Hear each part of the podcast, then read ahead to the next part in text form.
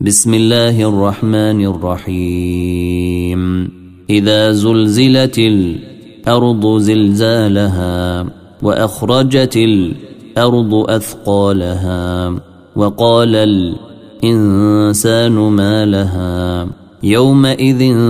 تحدث أخبارها بأن ربك أوحي لها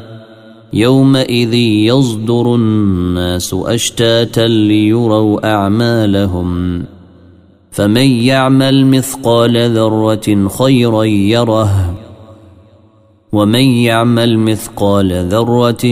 شرا يره ومن يعمل مثقال ذرة شرا يره والعاديات ضبحا